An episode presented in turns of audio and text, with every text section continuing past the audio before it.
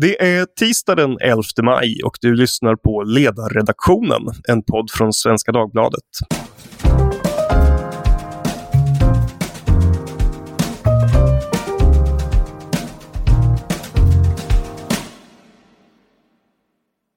Konflikten i Israel har eskalerat den senaste tiden och de senaste dagarna har uppgifterna om nya våldsamheter gått i ett.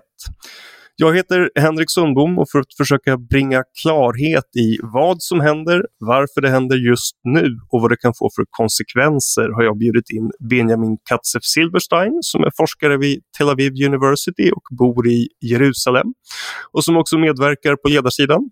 Eh, välkommen Benjamin! Tack så mycket, jättekul att vara här.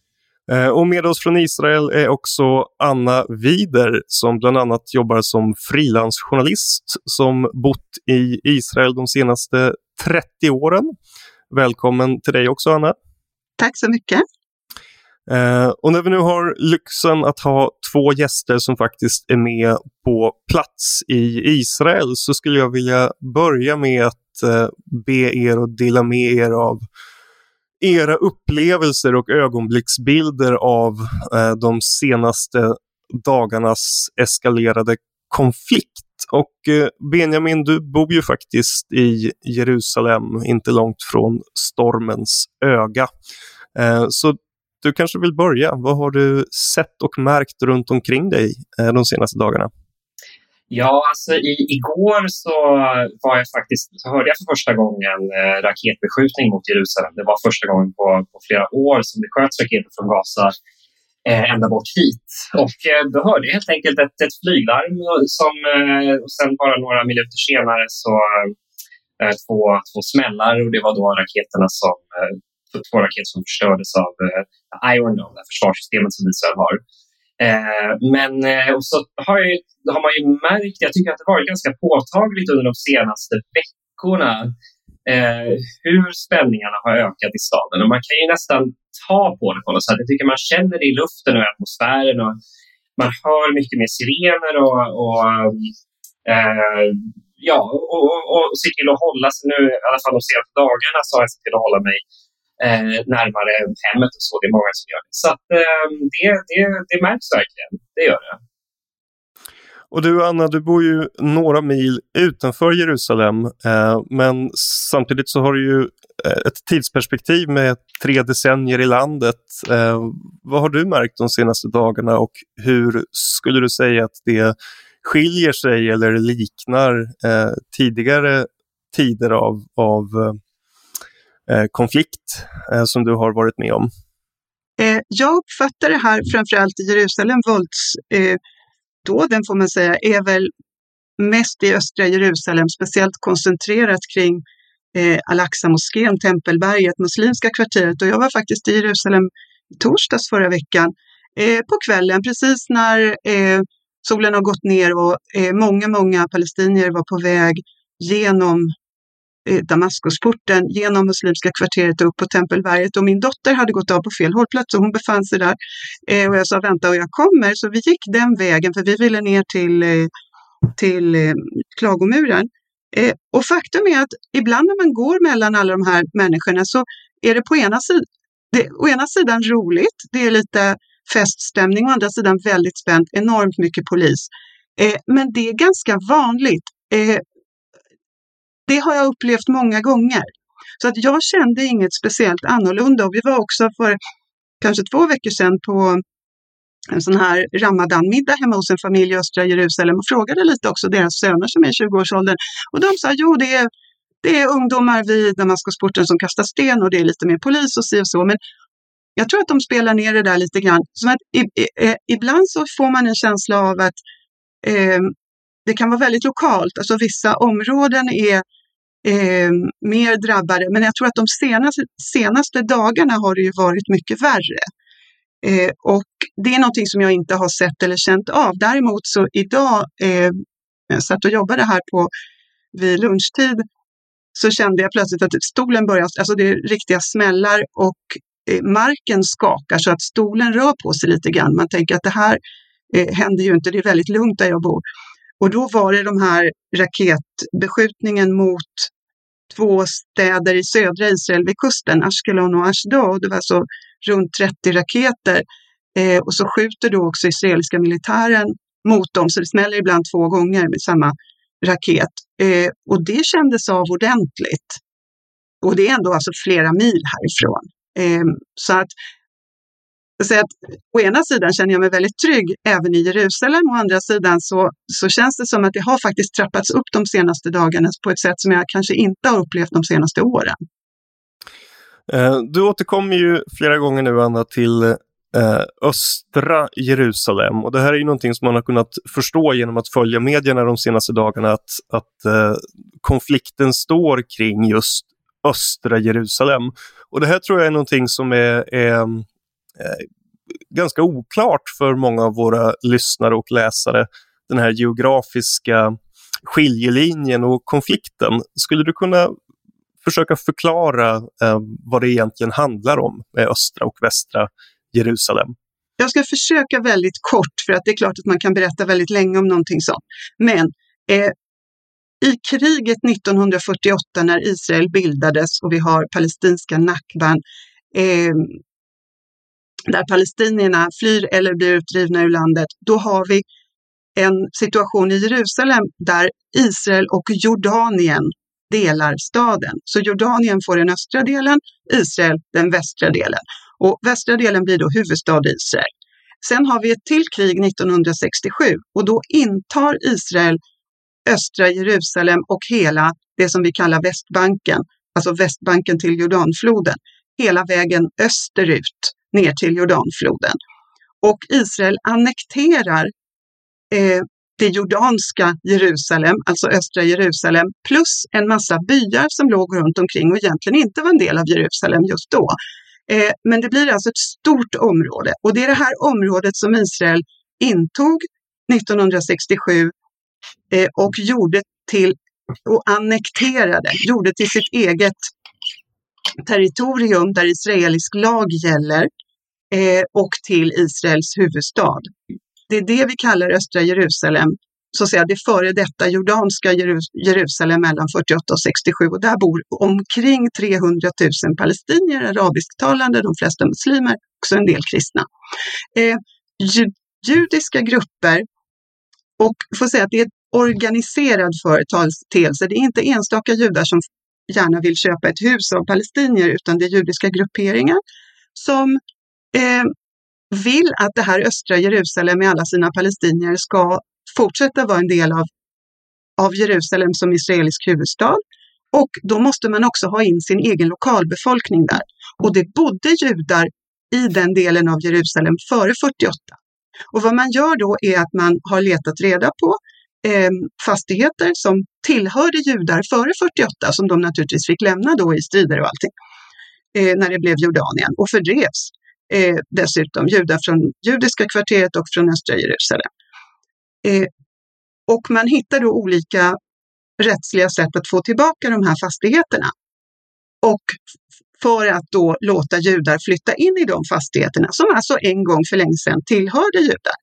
Och det har man haft stöd för i vissa fall av israelisk domstol och man kan visa upp papper. Men i de husen bor ju sedan årtionden palestinska familjer som flyttade in efter kriget. Eh, det var ingen av dem som kunde veta att det skulle bli krig senare och vad som skulle hända, utan man flyttar in i hus precis som folk gjorde i Europa på alla möjliga andra ställen där vi har folkförflyttningar. Eh, och nu ska de evakueras. Och det, det här har pågått sedan 90-talet i, i omgångar då med mer stöd från israeliska politiker eller mindre stöd från israeliska politiker. Eh, och behandlas då också i israelisk domstol. Men det här uppfattas ju naturligtvis som ett hot mot palestinska familjer och får jag säga också, vissa påpekar att enligt internationell lag, om vi då säger, om vi då betraktar östra Jerusalem som ockuperat territorium, så får man enligt Genèvekonventionen egentligen inte föra över civilbefolkning dit. Och Israel säger att det här är inte ockuperad mark, det här är en del av Israel, det är annekterat territorium eh, och eh, man stöder inte, så vitt jag vet i alla fall, den eh, synpunkten. Utan man säger att vi har rätt att, att judar har rätt att bo i hela Jerusalem. Just det, så att där har vi egentligen eh, hjärtat då i den här fastighetskonflikten som det pratas om mycket nu, där man å ena sidan eh, kan betrakta den som en juridisk konflikt, att det är en äganderättsfråga som ska avgöras i domstol. Å andra sidan kan man ha ett längre tidsperspektiv på det och säga att det här är en politisk konflikt som handlar om att expandera land. Just det. Uh, vill du fylla i någonting där Benjamin om, om den fastighetskonflikten? Nej, jag tycker att det, det var en alldeles uh, utmärkt förklaring av, av Anna. Uh, och, um, alltså det, det, man, det man ska komma ihåg är att det här, allt det här sker ju i, i en kontext också, alltså i en atmosfär som, som Anna påpekade som brukar vara eh, spänd under vissa delar av året och inte minst nu under Ramadan så brukar, eh, brukar spänningarna öka i Jerusalem. Och så, så det, jag menar, det, det på något vis så så är det flera saker som, som händer på samma gång och som, som bildar ett större, ett större problem, så att säga. Så att det, är också, eh, ja, det är också, också viktigt att minnas. Just det, och det, det är ju intressant att du kommer in på Ramadan just här, för att vi har ju ändå eh, när man tittar på det utifrån så kan det framstå som att det är upplagt för en perfekt storm med å ena sidan Ramadan som går mot sitt slut och igår Eh, den 10 maj så firade man ju också Jerusalemdagen. Då man firar just den här, eh, det som vissa betraktar som en ockupation och andra betraktar som Jerusalems enande 1967. Eh, hur påverkar de här firandena och märkesdagarna eh, konfliktnivån i Israel? Ja, alltså Jerusalemdagen har blivit en dag där speciellt den nationalreligiösa rörelsen, alltså de eh, religiösa judar som gör militärtjänst och är väldigt nationellt sinnade, eh, gör en marsch i Jerusalem därför att de vill fira det här. De vill fira det, de ser det som eh, en väldigt viktig del av det sionistiska projektet. Alltså sionism är inte bara att judar ska komma hit och bygga kibbutzer någonstans vid kusten, utan att Jerusalem är fokus. Eh, och de vill gärna visar detta på ett väldigt tydligt sätt och det också gärna för den palestinska arabiska befolkningen i Jerusalem och vill då egentligen gå från Sheikh Jarrah, alltså det här kvarteret där, där det råder konflikt eh, kring eh, hus som har, som, där palestinier ska evakueras. Eh, och gå genom de, det muslimska kvarteret eh, ner till västra muren. Eh, och det är naturligtvis inte bara eh, en, så att säga, en en, en naiv nationell marsch, utan det betyder ju att man säger att detta är vårt. Vi är här. Och jag har en känsla av att även eh, Ramadan är ett tillfälle. Det kommer ju väldigt mycket palestinier från hela landet. Det åker ju folk med bussar från Galileen och från alla möjliga ställen för att de vill vara i Jerusalem vid den här viktigaste moskén eh, under den här perioden. Eh, de, jag tror inte att de flesta kommer för att slåss, men det är klart att det blir, det finns liksom en en, eh, en jordmån för våldseskalation i den situationen därför att de vill också säga att det här är vårt, det här är vår heliga plats, det här är, är ett område vid Al-Aqsa-moskén där vi styr. Och de styr inte någon annanstans i Jerusalem egentligen. Eh, inte ens där riktigt, men där finns det någon form av palestinsk autonomi. Så det blir en väldig liksom, uppslutning kring de här nationella symbolerna och då moskén inte som religiös symbol egentligen, men religiös och nationell symbol. Och när de två är då väldigt så nära på varann, då är det verkligen friktion. Eh, och så ska polisen hantera den här situationen. Eh, det är klart att det blir väldigt, eh, ja, väldigt känsligt och väldigt lätt att det kommer våldsuttryck, eh, både så att säga mot polisen och också med grupperna mellan varandra. Mm. Alltså för mig så påminner det lite om, det är klart att det är en helt annan sak, men dynamiken påminner lite om när man är i Stockholm på ett eh, fotbollsderby. Att det är liksom, det, det, fotbollsmatchen är huvudsaken, men man vet samtidigt att det finns människor som vill använda det som ett tillfälle för, eh, för olika typer av aggressioner och slagsmål och sådär. Och så får man eh, vara, vara så försiktig man bara kan som, som bystander så att säga. Eh, sen är det väl också så att Jerusalemdagen, alltså, det, det, det, är ju en nationell helgdag på samma sätt förstås. Så det, är inte, alltså, det, det, är inte bara extremister så att säga, som, som firar det, men det är klart att det, de här eh, händelserna har ju kommit att dominera ganska mycket. Eh, och när du talar om, om hur ehm, eh, Jerusalemdagen och Ramadan sammanfaller och att man får det här derbyliknande situationen så är det ju också så att det sker i en, en tid som är politiskt turbulent i Israel. Mm. Eh, som jag har förstått det så står landet just nu mellan regeringar. Eh, och en sån här eskalerad konfliktnivå kan ju naturligtvis användas för att påverka regeringsförhandlingar. Eh, hur mycket påverkar Eh, den israeliska inrikespolitiken konflikten och hur mycket påverkar konflikten inrikespolitiken, Benjamin? Alltså de går ju inte att särskilja egentligen, tycker jag. Det är ju, alltså när man, det, jag röstade för första gången i mitt liv i ett israeliskt val bara för några, för några, några veckor sedan. Och alltså det är klart att när man bor i en sån här situation så är det omöjligt att inte låta det spela in i hur man röstar. Eh, och, inte, och, och, det är klart att det har starkt inflytande på politiken. det gäller ju som jag tror du nämnde i inledningen, det gäller ju både då på den israeliska politiska scenen men även på den palestinska politiska scenen där det också råder politisk kaos Man har nyligen skjutit upp eh, val som skulle hållas.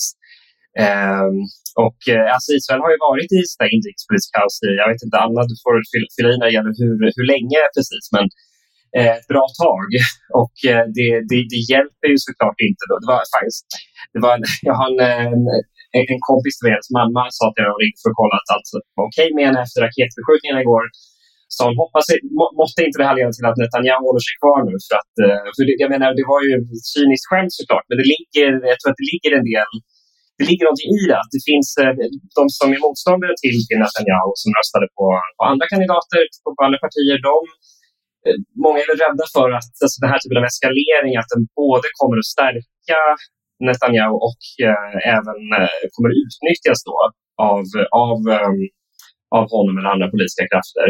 Så det, är, jag menar, det är som i alla länder att det är en symbios mellan eh, olika, olika strömningar, olika, olika dynamiker och sådär. Det, det är klart att konflikten och inrikespolitiken går, går ju inte att skilja får säga att även om man inte är konspiratoriskt lagd, och jag tror inte att den israeliska regeringen har liksom, eh, ja, att de försöker eh, uppvigla till våld på något sätt. Men man det är svårt att inte tänka den tanken. För att eh, väldigt ofta i sådana här situationer, när vi, kommer, när vi får en våldsupptrappning och det blir Eh, så att det, det faktiskt det israeliska samhället känner sig hotat. Och faktum är att det palestinska samhället i Jerusalem i alla fall känner sig också hotat. Det, det är läskigt att släppa ut sina barn på gatorna. Och då, eh, då får det effekten att man eh, blir mer, man tvingas vara lojal mot sin egen sida. Man vill vara lojal mot sin egen sida. Man vill inte skada så att säga, sin egen sida och man vill inte heller prata om en massa problem. Eh, och det har ju lett till faktiskt i praktiken här nu att förhandlingarna mellan de partier, de oppositionspartier som vill bilda en alternativ samlingsregering som då alltså går både från höger till mitten till vänster och inklusive ett islamistiskt parti. Eh, de förhandlingarna har ju lagts på is. Jag ska inte säga strandat, men de har ju lagts på is på grund av det som händer. För högerpartierna säger då, nu har vi en krissituation, nu måste vi stödja regeringen, vi stöder regeringen i allt den gör. Medan om man då tänker på vänsterpartierna som säger att vi behöver deeskalera och det islamistiska partiet eh, som ju blev vågmästare i sista valet, han ser vad som händer på, på vid Al-Aqsa-moskén. Det är väldigt svårt för honom att förklara för sina väljare hur han nu kan så att säga inte bry sig om vad som händer utan sitta och förhandla med ledarna för högerpartier i Israel om att bilda en samlingsregering. Det blir inte trovärdigt. Så att det har ju direkt inflytande på just det här. Och om vi ska säga det spelar ju Netanyahu i händerna för hans intresse är att till varje pris förhindra den här alternativa samlingsregeringen. Sen om han verkligen vilket, eh, vad han verkligen har gjort och inte gjort, eller, eh, det, det vill jag inte gå in på, men eh, det spelar dem i händerna i praktiken. Och jag tror också att på den palestinska sidan, Hamas har definitivt flyttat fram sina positioner i Jerusalem. De har ett stort intresse av att ha, få uppmärksamhet kring sin kamp, så att säga, som, som de som leder befrielsekampen mot Palestina istället för palestinska myndigheten som, som sköt upp valet och inte törs liksom, eh, ja, visa vad de går för på, på den politiska arenan. Så, eh, och det var Hamas-flaggor vid moskén och allt möjligt sånt. Så att, eh, de har ju också utnyttjat detta till eh, sin fördel. Och jag tror ofta att när man tittar på, på den här konflikten så ser man väldigt mycket känslor, man ser väldigt mycket upprörda människor. Och det är väldigt viktigt att komma ihåg att mycket cyniska ibland kanske, men även alltså reella politiska intressen ligger bakom hur olika grupper agerar. Speciellt politiska grupperingar. Hamas är ingen vansinnesorganisation utan det finns säkert en logik i det de gör. Eh, så att den här tidpunkten är liksom väldigt praktisk för dem, får jag säga. Det, det, det, så det finns absolut politiska intressen inblandade. Det är inte bara en konflikt som liksom plötsligt har spårat ur.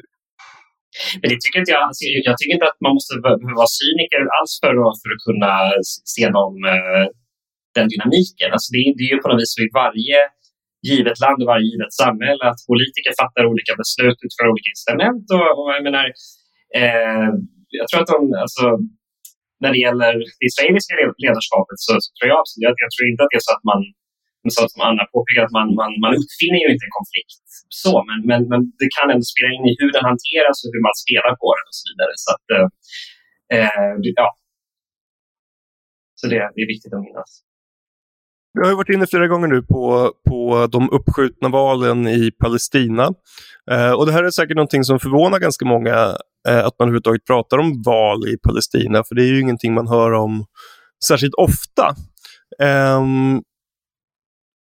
första valen på 15 år tycker jag mig ha läst att det skulle, att det skulle vara. Ja, 2006. 2006, precis. Eh, hur kommer det sig att man skjuter upp valen? Handlar det om konflikten eller handlar det om corona eller handlar det om någonting annat? Och finns det en genuin vilja från palestinskt håll att faktiskt eh, hålla val och demokratiseras? Då med, får jag säga först att jag inte är expert på, på intern palestinsk politik, men med eh, den erfarenhet som vi har 2006 så fanns alltså ett väldigt tryck från USA att man skulle ha demokratiska val i palestinska myndigheten, medan både Israel och palestinska myndigheten egentligen inte ville det. Och man lät Hamas vara med i valen. Det var en fråga om de skulle få vara med överhuvudtaget och ställa upp. Eh, och vad som hände då var ju att Hamas fick en majoritet. De vann inte full majoritet, men de fick ändå stor procent av rösterna som säkert många en del av proteströsterna i, som ja, protesterade mot vad den palestinska myndigheten höll på med, korruption och andra saker. Eh, men det ledde ju till en splittring i det palestinska samhället och eh, ett inbördeskrig i Gaza där Hamas tog makten. Och sedan 2007 har vi haft en praktisk delning av politisk delning där den palestinska myndigheten styr Västbanken med Ramallah som provisoriskt huvudstad och så har vi Hamas i Gaza som inte har relationer med Israel, i alla fall inte i, i eh, bara på en väldigt praktisk nivå. Men, eh, men att ha val i den här situationen betyder att den palestinska myndigheten förmodligen måste låta Hamas delta i valen. Eh, och det är någonting som varken Israel vill eller eh, det finns inga enorma tror jag, påtryckningar för den skull. Och det ju, har varit väldigt enkelt för den palestinska myndigheten att hitta en massa sämre eller bättre orsaker till att sitta kvar, att fortsätta. Det är en massa pengar i det där. Det är väldigt många som tjänar pengar på att jobba i palestinska myndigheten och den är ändå relativt stabil. Och jag tror att för Israel, här får gärna Benjamin kommentera för att det här är bara tankar som jag har, eh, att den palestinska myndigheten är ändå för Israel bättre än ett potentiellt kaos. Så man föredrar alltså den icke-demokratiska, något korrupta eh, men välkända organisation som man redan har jobbat med, som man kanske inte gillar, men det funkar halvvägs. Eh, palestinska myndigheten har Eh, spärrat in en massa Hamas-aktivister och gör i vissa fall Israels arbete åt sig på ett inte så hemskt dåligt sätt. Eh, och varför rucka på det om det kan bli värre? Ja, nej, jag, jag, jag håller helt med om, det, om, om den bilden. Och, alltså, man ska komma ihåg att Israel har, alltså, för, alla, du får gärna som sagt rätta mig om, eh, om jag har fel på detaljerna, men sen, sen Osloavtalet mellan PLO och Israel så har man alltså ett samarbete när det gäller eh, säkerhet, alltså de här säkerhetstjänsterna. Eh, ja. De som har sett eh, serien Fauda på Netflix vet om det här redan. Men, men ehm, eh, och det är ju väldigt viktigt, jag tror, för, för båda sidor. Eh, inte minst för, för att det, för den palestinska myndigheten så är det även viktigt för deras egen ställning och för Israel så är det viktigt för, för sin egen säkerhet helt enkelt. Eh, så att det, jag, jag håller absolut med om att det, det, det, det som, skulle, som bidrar mest till stabilitet är ju om, om eh, den palestinska myndigheten fortsätter att eh, styra de områden där de styr. Så att, eh, eh, men sen så, ja, det, det ligger också en del Eh, många har påpekat att det ligger en del politisk cynism i det också från, från Abbas sida. Att om, man, eh, om man skulle hålla val i nuläget och, förlora mandat och förlora en, del av sin makt så, så då tjänar man en del själva på, på att eh, skjuta på de här valen. Som man, och, och, att man då kan skylla det på Israel istället för på sina egna eh, politiska prioriteringar. Och det är precis, och det är ett sätt att skjuta ifrån också mycket kritik från, internt från palestinier mot den palestinska myndigheten. Som, eh, eh och, och, precis, och där få över det på Israel och, och åt ett annat håll. Och så säga att det är inte vi som är medlöpare utan det är Israel som gör övergrepp. Så att där politiskt eh, så, så har ju de som sagt också ett intresse av att fokus är på palestiniers rättigheter i östra Jerusalem och inte prata om sig själva jag har inte pratat om, om, om praktiska saker i, i, eh, när det gäller att och, och, och faktiskt styra över ett, över ett territorium. Um, jag pratade med en, jag hade, uh, pratade med en um, klasskompis som jag pluggar hebreiska med. Som är, eh, han är eh, palestinier, medborgare i Israel. Och han sa att han, för honom och hans familj så var det otänkbart att söka liksom, palestinskt medborgarskap eh, på lång sikt. För att det är helt enkelt så att nivån på, på liksom statens förmåga och eh, på tjänsterna är så helt eh, eh så fruktansvärt mycket högre i Israel än, eh, än eh, på palestinskt territorium. Så att, eh, det, det, är inte direkt kopplat till det vi pratar om nu, men jag tycker ändå att det var en, eh, det var en intressant vinkel. Och det är någonting som du ofta hör av palestinier, för att eh, i östra Jerusalem, eller märker, för att när folk så att säga röstar med fötterna, när de gör sina val, så är det i många fall viktigt att ha, det är bättre att ha en utbildning från Hebreiska universitetet. Eh, det är definitivt mycket bättre att ha ett ID från östra Jerusalem än att ha ett från Västbanken, bara helt rent ur ekonomiskt perspektiv, eh, därför att det ger mycket större arbetsmöjligheter.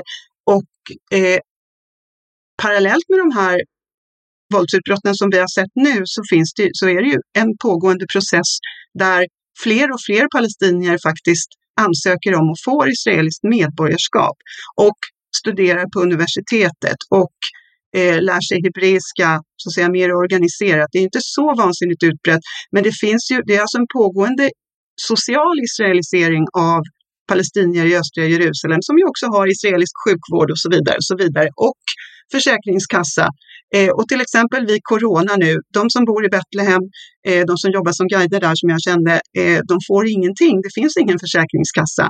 Eh, medan de som bor i östra Jerusalem ändå har israeliska socialsystemet att falla tillbaka på. Det betyder inte att de älskar Israel, men det finns så att säga också strömningar som, som säger väldigt, väldigt vardaglig assimilering i östra Jerusalem och en, vil, eh, en vilja att liksom åtminstone behålla sina rättigheter just för att eh, det är så stor skillnad ekonomiskt, framför allt det.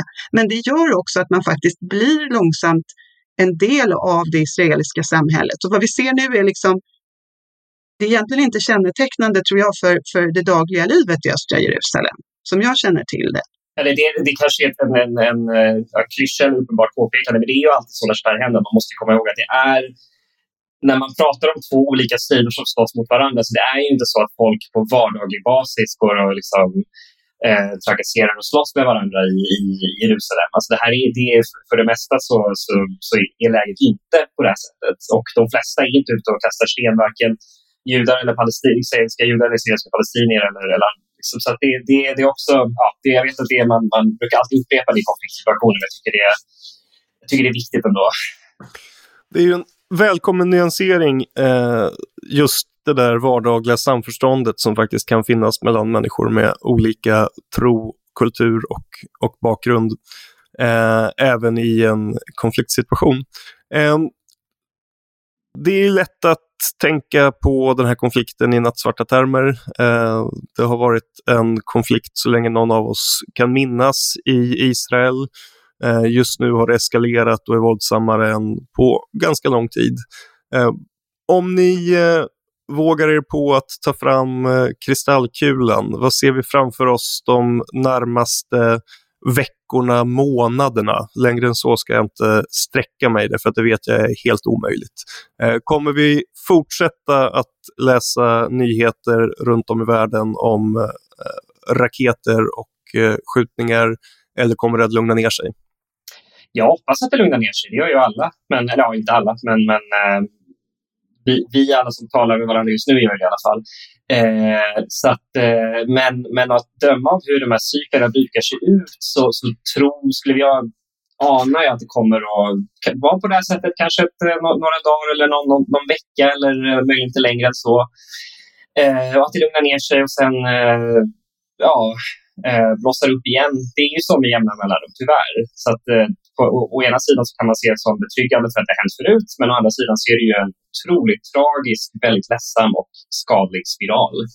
Det är väldigt svårt då med kristallkulan. Så jag tänker att jag vet ju faktiskt inte, vi vet inte om vi, vad som kommer hända med regeringsbildningen i Israel. Eh, men jag, tror, jag gissar då väldigt egentligen okvalificerad gissning på att ett par dagar och sen någon lite skakig vapenstilleståndsuppgörelse som inte håller och sen bryts en gång eller två och sen att man liksom gör en till och så efter ett par dagar att det lugnar ner sig. Jag vill väldigt eh, jag vill hoppas att det inte blir någon storskalig sån här markinvasion. Det har jag lite svårt att... Jag ser inga tecken till det just nu. Det är ingen som pratar om någonting sånt. Eh, men men som sagt, det är väldigt svårt att veta, för ibland är det här väldigt eh, kan vara väldigt spontana saker. Till exempel om det nu skulle komma en raket och landa på ett israeliskt daghem där det är en massa barn och vi plötsligt har en massa döda barn i Israel. Eh, vi har redan döda barn i Gaza får vi komma ihåg. Men eh, det var, jag tror att i en sån situation så kräver den israeliska opinionen att israelisk militär eh, attackerar Gaza mycket hårdare. Och mm. så länge vi kan undvika dödsoffer på den israeliska sidan så blir det lättare för Israel. Och jag säger det, det är lättare för mig att förklara vad Israel gör, jag känner till det bättre. Eh, det blir lättare för Israel att så att säga kunna trappa ner. Och för Hamas är det viktigt att, att inte ledare dödas. Så att säga, om någon av deras ledare har dödats, naturligtvis barn också, jag tror inte att de struntar i det. Men om deras ledare dödas så kräver det hämnd. Och det var någonting sånt. Det var därför det var en väldigt stor raketbeskjutning idag på, eh, mitt på dagen. Därför att israeliska flygvapnet hade dödat eh, någon högt uppsatt inom Islamska Jihad, i alla fall vad israeliska radion berättar. Så att säga, kan, man, kan Israel bomba eh, tomma, eller så, till så, så stor del som möjligt tomma eh, hallar eller någonting sånt, som och, och så få dödsoffer som möjligt, så ger det möjlighet för Hamas att liksom lägga av om ett par dagar och säga vi, vi vann. så. Och för Israel ger det också den möjligheten. Men skulle vi få någon sån här katastrof, då blir det omöjligt för båda sidor att inte trappa upp. För när man redan är inne i den spiralen kan man inte bara lägga av och säga att nej, men vi, vi, vi har ingen lust längre. Det funkar inte så. Därför att den interna opinionen kräver att vår sida ska liksom ha nått någon form av mål. Och det är, där, det, är det som är så otäckt. Eh, att det där inte är helt planerat. Så att jag, jag, är lite orolig för att någonting sånt händer. Men annars hoppas jag att med egyptisk och jordansk medling eller vem som är inblandad, att de trappar ner efter ett par dagar och säger att nu behöver vi deeskalera. Mm. Mm. Jag, jag, jag, vill bara flika in, alltså jag, jag, nu har vi ju pratat lite om det, just att det är väldigt, man, man kan ibland få lite intrycket av att eh, när, när, man är från, eh, från utlandet, när man liksom tittar på hur saker och ting är i Israel, att man har det här systemet Iron Dome som skjuter ner raketer och det är ju, det är ju väldigt, väldigt bra. Men det är ju fortfarande, alltså nere i, i, sö, i södra Israel nu så är det liksom, alltså de har ställt in skolorna, dag, dagisverksamhet, jag tror i hela landet, jag är osäker på det, men Just mm. för att de inte har plats nog i skyddsrummen åt alla barn. Eh, på, och, och, eh, jag menar, det, det, det är ett ohållbart sätt att leva på. Det, det, det, det är inte bara för att man har det här väldigt effektiva systemet för att skjuta ner raketer så betyder inte det att, att, att man liksom inte är i fara. eller så. Alltså det, är, och, och, och så det, det, är ett väldigt allvarligt läge. Det, eh, så att, eh, samtidigt så, och jag menar, det är ju så att även om Hamas möjligen i någon mån bryr sig om, om civilbefolkningen i Gaza så, så är det så att de, de de, de placerar missilavskjutningsramper i, i bostadsområden och eh, nära sjukhus på ett ganska systematiskt sätt. Och, eh, så det, ja, det, det, jag vet liksom inte riktigt vad, vad, vad, vad min poäng är med men det var mest att uttrycka att det, det, är väldigt tragiskt, det är väldigt svårt. Alltså, även om man i Israel på många sätt har anpassat sig efter ett liv med den här typen av hot så går det inte att leva, vara, vara ett helt normalt samhälle när man lever under den här typen av, eh, av risk. Och eh, det tror jag får vara våra avslutningsord eh, denna dag. Det är en opolitlig konflikt kan vi väl konstatera som snabbt kan svänga åt endera håll men det finns ändå någon form av hopp om åtminstone dödläge och, och någon form av vapenvila. Eh, stort tack till Benjamin Katzev-Silberstein och Anna Wider, båda med från Israel. Tack själv. Tack. Och eh, stort tack även till dig som lyssnat. Du har lyssnat på Ledarredaktionen, en podd från Svenska Dagbladet. Jag heter Henrik Sundbom, producent för podden är Jesper Sandström. Om du har synpunkter, förslag eller frågor så går det bra att mejla till ledarsidan svd.se. Än en gång, stort tack för att du var med oss idag.